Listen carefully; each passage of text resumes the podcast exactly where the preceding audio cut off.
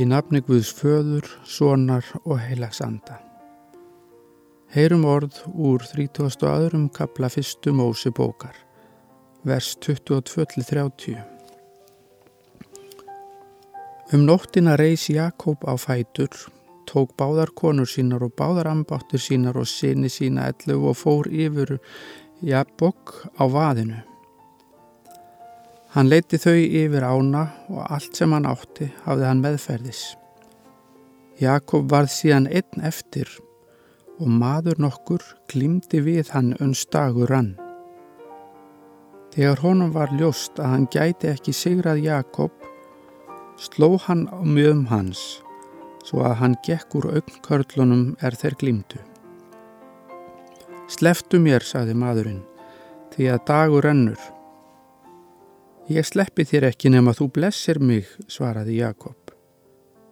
Hvað heitir þú, spurði maðurinn. Jakob, svaraði hann. Þá mælti hann, ekki skaltu lengur heita Jakob, heldur Ísrael, því að þú hefur glýmt við Guð og menn og unnið sigur.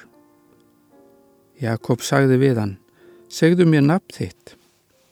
Hann svaraði, hvers vegna spyrðu mig nafns?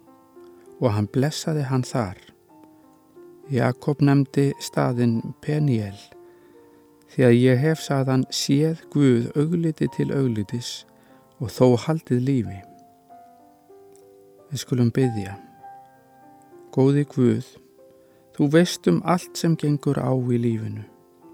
Þú sérð allar þær glímur sem ég hef átt við þig. Ég hef ekki alltaf skilið vilja þinn ég hvers vegna þú leifir það sem að gerist. Ég veit þó að þú ert almáttur og hefur yfir sínina. Ég vil ekki sleppa þér og leggja á flóta. Ég byrð þig eins og Jakob að þú blessir mig. Gefðu mér friðinn og sátt. Í Jésu nafni. Amen.